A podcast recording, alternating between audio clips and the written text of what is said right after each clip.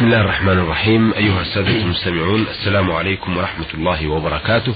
ومرحبا بكم في لقائنا هذا الذي نعرض فيه ما وردنا منكم من أسئلة واستفسارات على سماحة الشيخ عبد العزيز ابن عبد الله ابن باز الرئيس العام لإدارات البحوث العلمية والإفتاء والدعوة والإرشاد. مرحبا بسماحة الشيخ عبد العزيز. حياكم الله بارك فيك آه، سماحة الشيخ عبد العزيز هذه رسالة يقول مرسلها من الدمام من المنطقة الشرقية راشد محمد الراشد إذا شفي المعذور بعد أن تلبس نائبه بالحج فهل يقع الحج عن فريضة الإسلام أم يكون أم يكون نفلا في حقه؟ بسم الله الرحمن الرحيم الحمد لله والصلاة والسلام على رسول الله وعلى آله, وأصحابه ومن اهتدى بهداه أما بعد فإذا شفي المعظوم مما سوغ النيابة عنه في الحج فقد اختلف العلماء رحمة الله عليهم. هل يجزئ ذلك المعذور الحج أم عليه أن يأتي به لزوال العذر؟ على قولين مشهور لأهل العلم. والأحوط للمؤمن في مثل هذا أنه يأتي بالحج لأن الأكثر من أهل العلم على أن عليه أن يأتي بالحج لأنه اتضح أن عذره غير مأيوس منه. غير مأيوس من زواله.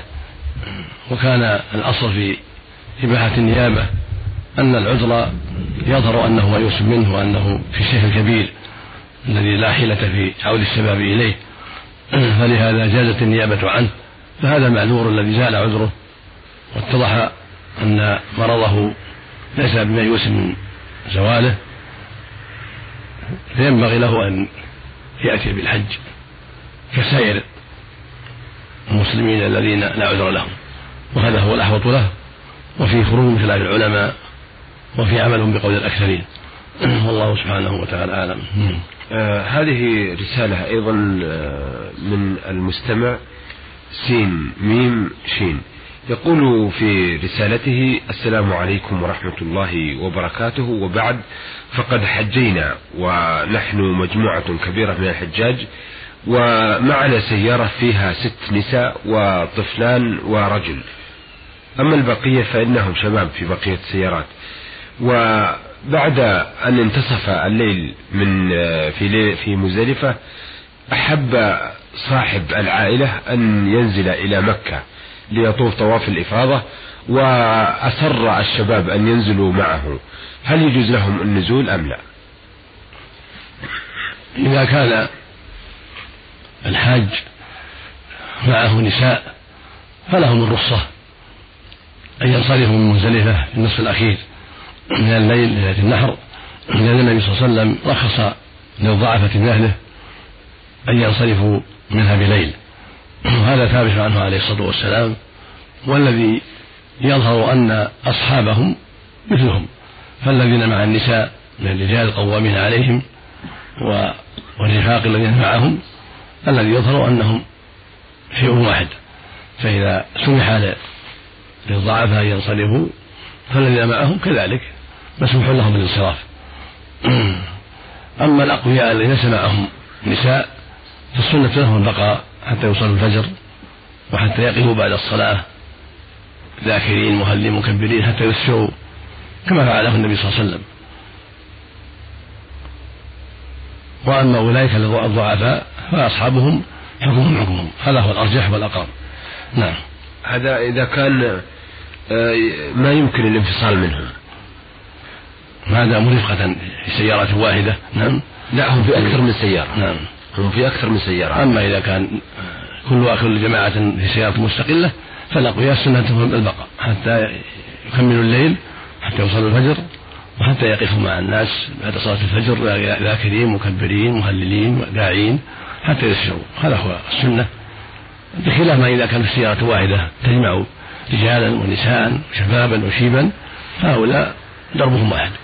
ولا حرج إن شاء الله في انصرافهم جميعا وذهابهم إلى منى آخر الليل ورميهم الجمرة وذهابهم إلى مكة. كل هذا لا حرج فيه إن شاء الله. نعم. لأن الضعيف يتبعه القوي الذي هو في رفقته أو في القيام على شؤونه. هذه رسالة وردتنا من السودان. يقول مرسلها أنا عوض علي عبيد سوداني. أتقدم لكم بالسؤال التالي عن سورة اقرأ باسم ربك وفي آخر السورة وهي فاسجد واقترب. ويعني بذلك أيعني بذلك أسجد واقترب قبل الركوع؟ وما تفسير هذه الآية؟ وأرجو التوضيح ولكم مني. جزيل الشكر والله الموفق. هذه السورة شرع الله فيها للنبي صلى الله عليه وسلم السجود والمسلمون كذلك وهذه من سجدات التلاوة. فالمسلمون يشرع لهم كما شرع النبي صلى الله عليه وسلم السجود عند قراءة هذه الآية. فإذا قرأ هذه الآية يسجد إن كان مفردا خارج الصلاة وهكذا إن كان في الصلاة وإن كان إماما سجد وسجد معه الناس. وهذه من السجدات التي سجد فيها النبي عليه الصلاة والسلام. وقد قال بعض أهل العلم إن السجدات المفصل قد نسخت ولكنه قول ضعيف والصواب أنها باقية وأنها سنة. السجدة في النجم والسجدة في إذا السماء وانشقت والسجدة في إقرأ باسم ربك. كلها سجدات مشروعة ثابتة عن رسول الله عليه الصلاة والسلام. يسجدها الإمام للمأمومين في الصلاة ويسجدها الإنسان في صلاته في تهجده ونحو ذلك ويسجدها خارج الصلاة. هذه السنة. نعم. هذه رسالة وردت للبرنامج من الجمهورية العراقية محافظة التأميم يسأل مرسلها عين يا ميم أو المرسلة عين يا ميم عن قبور الأولياء. آه، تقول سؤالي هو يوجد عندنا في العراق بدع وهي أن بعض الناس آه، يقصدون إلى قبور أولياء الله والصالحين من مكان بعيد وعند زيارة القبر يخلعون أحذيتهم والقبور مبني عليها. آه، تقول في رسالتها أنه مبني عليها شبه للمساجد هل هذا جائز؟ وعند دخولهم يصلون ركعتين وهي صلاة الزيارة تقال سنة. هل هذا جائز أم لا؟ أفيدونا. وفقكم الله لما فيه الخير وجزاكم الله عنا خيرا. هذا سؤال مهم وله شأنه العظيم وهو تعظيم القبور بالزيارة البدعية والبناء على القبور واتخاذ المساجد عليها. هذه مسائل ذات أهمية ينبغي أن يعلم أن الزيارة القبور سنة. لأن النبي عليه الصلاة والسلام قال زوروا القبور تذكركم الآخرة. ولكن ليس المقصود من الزيارة أن يدعى الميت أو يستغاث به أو يطلب منه المدد أو يتمسح بالقبر أو ما أشبه ذلك لا. بل المقصود من الزيارة ذكر الآخرة ذكر الموت والدعاء الميت والترحم عليه إذا كان مسلما. هذا المقصود. ولهذا قال عليه الصلاة والسلام نور القبور فإنها تذكركم الآخرة. وفي لفظ الآخر تذكركم الموت. فالسنة للزائر إذا زار أن يسلم على المقبورين وأن يدعو لهم بالمغفرة والرحمة. وكان النبي صلى الله عليه وسلم يعلم أصحابه إذا زاروا القبور أن يقولوا السلام عليكم أهل الديار من المؤمنين والمسلمين وإنا إن شاء الله بكم لاحقون. نسأل الله لنا ولكم العافية. وفي لفظ يرحم الله المستقدمين منا والمستأخرين. وكان يقول إذا زار البقيع اللهم اغفر لأهل البقيع الغرقد السنة إذا زار قبور هكذا أن يدعو لهم بالمغفرة والرحمة يسلم عليهم ويدعو لهم. هذا هو المشروع. أما أن يزورهم ليدعوهم من دون الله ليطلب منهم مدد ليستغيث بهم لينذر لهم هذا هذا من الشرك الأكبر والعياذ بالله. وهذا من عمل الجاهلية أبي جهل وأصحابه عند القبور. هذا لا يجوز بل هو من الشرك الأكبر. وهكذا الصلاة عند القبور لا تجوز. النبي صلى الله عليه وسلم قال ألا, ألا وإن من كان قبلكم كانوا يتخذوا قبور أنبيائهم وصالحيهم مساجد ألا فلا تتخذوا قبور مساجد فإني أنهاكم عن ذلك. قال لعن الله اليهود والنصارى اتخذوا قبور أنبيائهم مساجد. فلا يجوز الصلاة في المساجد في القبور ولا العكوف عندها ولا سؤال أهلها ولا الاستغاثة بهم ولا النذر لهم كما تقدم. ولما رأت أم حبيبة وأم سلمة كنيسة في الحبشة وما فيها من الصور. أخبرتها بذلك النبي صلى الله عليه وسلم. فقال أولئك حين مات فيهم الرجل الصالح بنوا على قبره مسجدا وصوروا في تلك الصور. أولئك شرار الخلق عند الله. فأخبر أنهم شرار الخلق بسبب تعظيمهم للقبور بالبناء عليها واتخاذ المساجد عليها ونحو ذلك. فالذي يفعله بعض الناس من اتخاذ المساجد القبور أو اتخاذ القباب على القبور مزينة بالذهب والفضة وغير ذلك كل هذا منكر. وقد ثبت عنه صلى الله عليه وسلم أنه نهى عن تجسيد القبور وعن القعود عليها وعن البناء عليها. فلا يجوز للمسلمين أن يبنوا على القبور المساجد ولا القباب ولا غيرها من الأبنية بل تبقى ضاحية مكشوفة في الجبانة في المقابر. إذ يأتي إليها الزائر ويسلم عليهم وهو واقف ثم ينصرف. ولا يجوز الصلاة عندها ولا بين القبور. ولا تمسح بالتراب ولا يجوز عندها القراءة أو الدعاء كل هذا منكر. وإنما يسلم عليهم ويدعو لهم وينصرف كما فعله النبي صلى الله عليه وسلم وكما فعله أصحابه وكما علمهم النبي صلى الله عليه وسلم ذلك عليه الصلاة والسلام. والصلاة عند القبور من البدع ومن وسائل الشرك أيضا.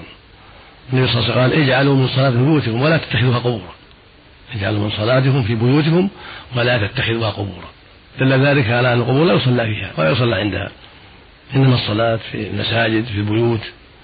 أما القبور فلا لأن الصلاة عندها من وسائل الشرك من وسائل العبادة من دون الله.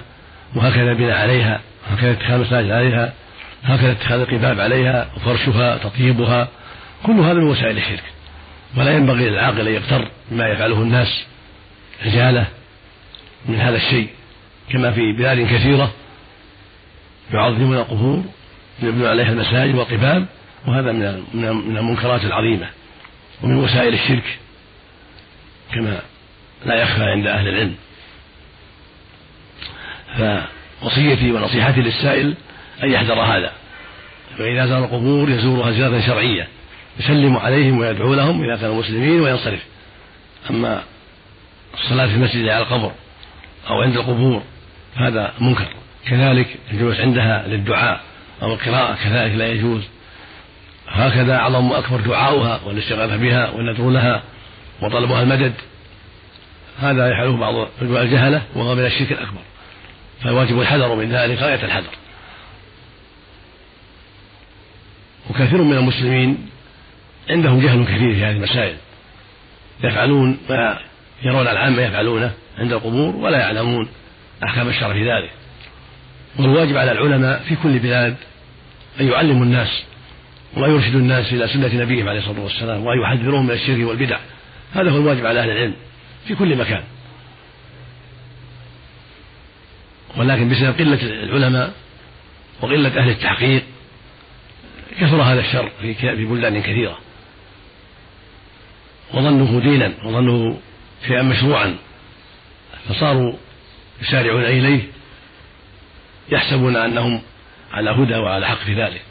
وهذه مصيبة يجب التنبيه عليها ويجب على كل مسلم يسأل عما أشكل عليه وألا يستاهل بالأمور العادية التي يرى عليها آباؤه وأسلافه. لا بل يسأل. فإن الكفار كان من عادتهم اتباع أسلافهم على غير بصيرة. كما حكى الله عنهم أنهم يقولون إنا وجدنا آباءنا على أمة وإنا على آثارهم مقتدون. فلا ينبغي التأسي بالكفرة في ذلك. بل تسألوا أهل العلم كانوا عندك أو تكتب إليهم في أي بلاد تسألهم عما أشكل عليك من أمور دينك حتى تكون على بصيرة لأن الله قال فاسألوا أهل الذكر إن كنتم لا تعلمون. فالواجب على أهل الإسلام إذا كان ما عندهم علم أن يسألوا يعني كل إنسان ما عنده علم يسأل عما أشكل عليه في أمور القبور في أمور صلاته في زكاته في صيامه في معاملاته في كل شيء. شكرا لفضيلة الشيخ. أيها السادة إلى هنا نأتي على نهاية لقائنا هذا الذي عرضنا فيه ما وردنا منكم من أسئلة واستفسارات على فضيلة الشيخ عبد العزيز بن عبد الله بن باز الرئيس العام لإدارات البحوث العلمية والإفتاء والدعوة والإرشاد. وقد تمكنا من عرض رسائل السادة راشد محمد الراشد الدمام المنطقة الشرقية والمستمع السين ميم شين وتسأل عن النزول بعد منتصف الليل آه، من آه، في الحج. وعوض علي عبيد سودان الثاني من حي النسيج بخالة الصحراء والمرسلة عين يا ميم الجمهورية العراقية محافظة التأميم. شكرا لفضيلة الشيخ وشكرا لكم أيها الأخوة وإلى أن نلتقي بحضراتكم نستودعكم الله والسلام عليكم ورحمة الله وبركاته.